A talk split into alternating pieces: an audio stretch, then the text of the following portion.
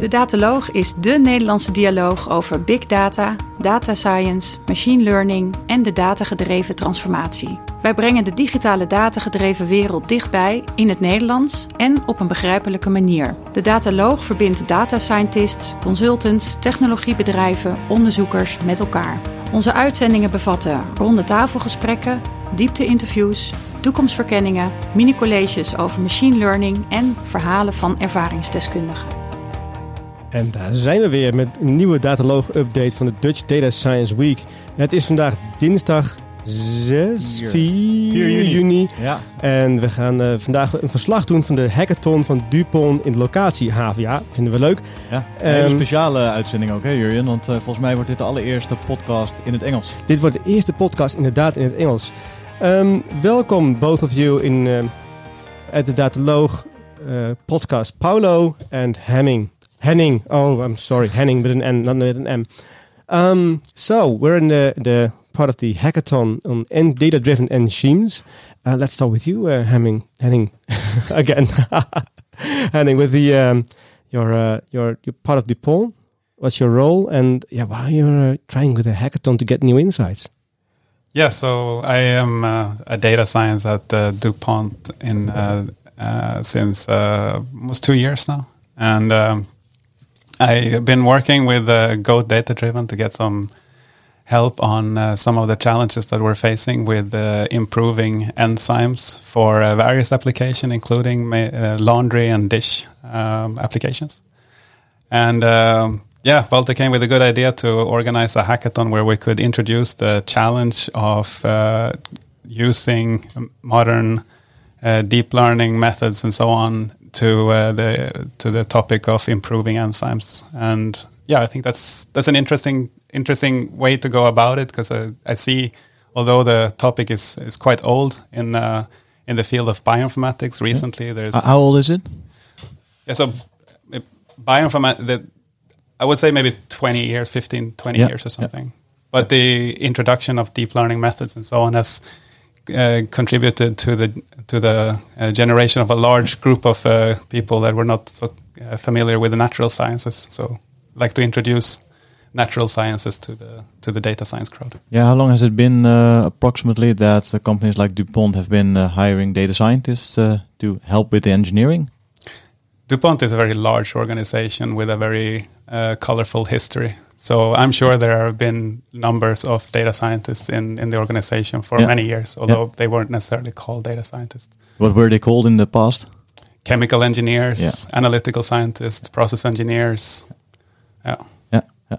And we have uh, Paulo, um, all the way from all the way from Portugal, all the way from Portugal from for this the, hackathon. the the north of Portugal, Braga.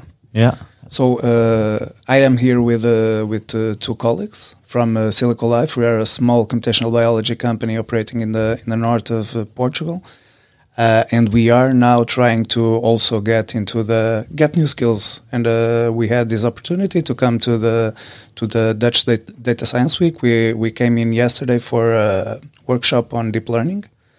Uh, and we thought it uh, might be a good idea to, on the next uh, day, to come to the hackathon and uh, put the knowledge into practice. that's so, great. So yesterday you know you you learned about deep learning, and today you already put it into practice. Um, we will try. That is that is practice practice what you preach. Every, everything pretty new. How are you liking it so far, Paulo? Well, I'm liking it a lot. Yeah, we're, we are learning. It's uh, it's nice to to learn with uh, with the pressure on because you learn faster. yeah, yeah. And um, what have you been working on this morning? Uh, so we are trying uh, different approaches. Uh, we uh, started with a more bioinformatics, traditional bioinformatics approach. We are doing uh, multiple sequence alignment and trying to find patterns. But uh, Henning was kind enough to tell us that that wouldn't work. uh, so now we are. Uh, uh, Part of our group is working uh, with uh, scikit-learn to try to come up with some random forest models try to uh, introduce uh, mutations in the sequences, uh, modifications, and then uh, after the model is trained, uh, use those uh, different variants to see what the model comes up with. Uh, and now uh, the other part of the group is uh, like uh, me and my colleagues from Silico Life. We are trying to set up uh, more or less the same uh, kind of uh, um, approach, but using uh, Keras. Yeah. So uh, backend is TensorFlow, and we'll see. It's the data set are not, is not that big, so probably we, it won't make much of a difference to use deep learning or other more traditional machine learning approaches. But let's see. Yeah, what what can you tell us about the the data set, Henning? That uh, And about the challenge, of course. and the challenge, yeah. yeah. Yeah, so the the old school cla- uh, challenge was to produce uh, uh, enzymes that we could put in our laundry to uh, make it uh, easier to remove stains from fabrics at uh, low temperatures. And uh, the challenge that we're looking at right now is uh, uh, is where we've taken uh, a widely known molecule uh, that uh, is for for which there are derivatives there are commercial products of, and I've generated fake enzyme sequences and hidden a signal in there. Because you couldn't share the the real data set for this hackathon. Well, that's one aspect, but the other aspect is that for this kind of setting, we also want to be able to let the, the participants send their sequences for uh, screening in the lab. Yeah, ah, yeah. Obviously, this takes several weeks to months to do in real life, but I want to get them results within seconds. So then I need to know exactly what it is that makes the signal. So that's why we, we work with toy dataset here. Yeah, fair enough. And what are your expectations when are you're happy at the end of the day? I'll be very happy if people felt like they had a good day and they saw some new applications for their skills and they learned something and got home uh, knowing something that they didn't know when they got here in the, during in the morning. And is it is it that you're um, that you're looking for data engineers and data scientists to get along with uh, DuPont as well? Is there a, a market for uh, chemical engineering and, uh, and data science? Well, obviously that's an important aspect too. So I mean, we I think the field of industrial biotech is extremely amenable for data science approaches. I think much of what we do is a data science problem, but given that it's a an old field, uh, that was not always the first tool for people to use. So I would be keen to see people that would be interested in joining the field, and yeah, perhaps maybe they even want to submit applications to to work with us. I don't know. We'll see. But Yeah, awesome. And Paulo, uh, as a company, you you, have, you are in engineering, but for you, the data science field is, is rather new. I mean, we've worked uh, with uh, machine learning approaches in the in the past, but uh, it's always more focused on uh, tradition, more traditional approaches. So the, we are now starting a, a a new project, uh, Portuguese project, uh, Portuguese 2020. So it's based on the European 2020 funding, Yeah. Horizon 2020 funding, uh, which is called Deep Bio. Uh, so it's a deep learning project, and we are also trying to to to get some uh, data scientists uh, to hire, which is very difficult, particularly in Portugal. But also, in order for us to supervise them, we also need to refresh our skills. That's why we are coming to to to this, just like a motivation to bootstrap uh, new new skills and uh, to do it faster than probably would normally do. Otherwise, if we would be in Portugal, we would be working in other problems, and this way, this ju- these two days is just to refresh your memory, And to get uh, inspired. get, new skills, and uh, let's see what comes out of it. So um, I'm from an engineering background as well, and and um, I know indeed these old-fashioned engineerings are uh, using rules of thumbs and, uh, and derivatives to ca- re- really calculate the outcomes of a, uh, a value inst- rather than using data. Um, but you're now going uh, one step beyond. You're going if you use black boxes like deep learning to get an answer. Is the are these these principles of doing black box learning accepted within the chemical engineering uh, branch. If you have a solution at DuPont, yeah, we got a new new new subject of substrate or enzyme with a with, with uh, made by deep learning. Are you going to sell it in your company? oh yes, Yes. yeah. no, absolutely. Black box learning is uh, definitely a viable approach. It's uh, nothing particularly like novel per se. It's a documented approach in the field.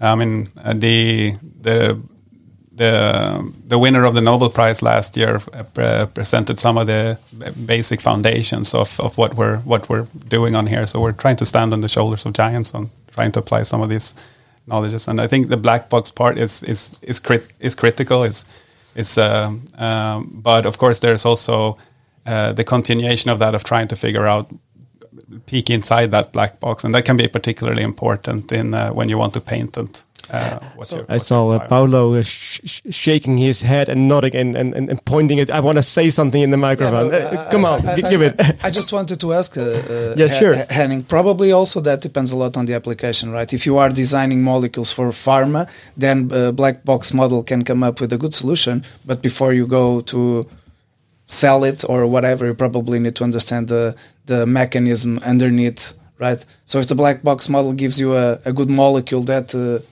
in your uh, test setting is uh, doing okay, probably then you will need to to first to understand the the, the mechanics of how it, why it's it's doing uh, what it's doing. Uh, Otherwise, you cannot sell it to the public, right? If it's for a detergent, it's a bit different, probably. No, indeed, this is completely application dependent. Yep. If uh, for for most for many of the applications we're looking at, we're not so critically important to know exactly how it works because our formulations are complex. Who knows exactly Sure. how a stain works in a washing machine? You know that is, you you know the basics, but you don't know the exact details of it. So I would say that the it's important for protecting your invention, but for selling, it's fine. Consumers won't care if it's that particular threonine in that position that Yeah, matters to remove their ketchup. And how would that be in your business, Paulo, uh, for the products that you uh, engineer? Would black box work? Uh, yeah, that, I mean, I I think they can give us uh, good ideas. We never in in our company, and we do more metabolic modeling, so for industrial biotechnology applications, so not really related with pharma applications or health, uh, but uh, we never give any design or solution to a client that came directly out of a of a of a, a model or a machine prediction. Yeah. It's always going to the, uh, again to the biologists, and uh, they analyze it and they try to understand the, me- the mechanics behind it. Yeah, the explainability is Yeah, important yeah, yeah. there. Very important.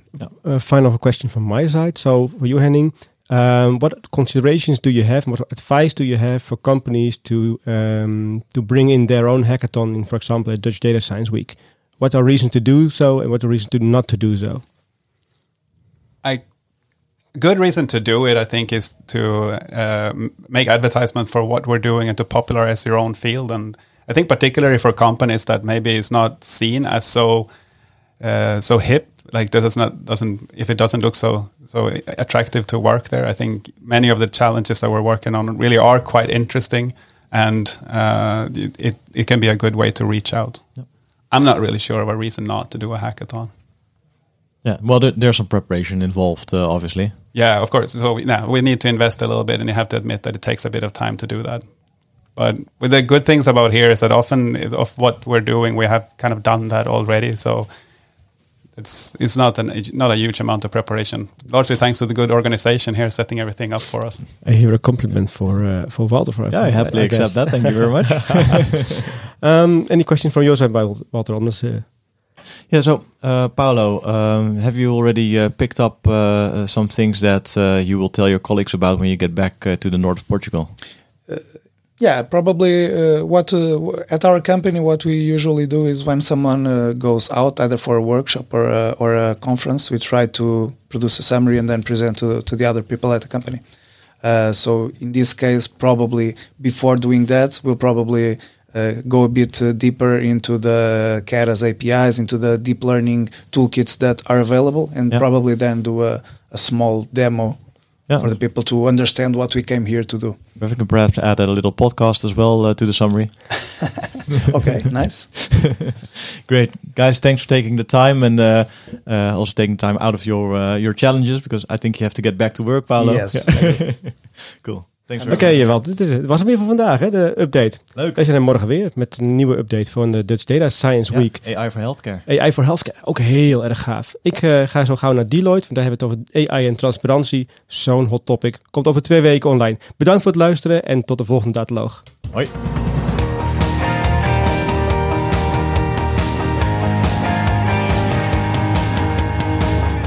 Bedankt voor het luisteren naar deze uitzending van de Dataloog podcast. Wil je automatisch wekelijkse podcast ontvangen? Klik dan op subscribe in jouw favoriete podcastprogramma. Vond je onze podcast leuk, goed, interessant of wellicht te veel ene en nullen? Laat een review achter of geef thumbs up. Heb je vragen of opmerkingen? Kijk dan ook eens op www.dedataloog.nl. Hier staan ook de show notes van alle uitzendingen. De studio van de Dataloog is gesponsord door het onderzoeksprogramma Urban Technology van de Hogeschool van Amsterdam. Alles wat we maken doen we onder Creative Commons. Je mag alles hergebruiken voor niet-commerciële doeleinden, zolang je ons als bron maar noemt. Volg ons op Twitter op @dedataloog. Graag tot de volgende keer en voor nu tot data.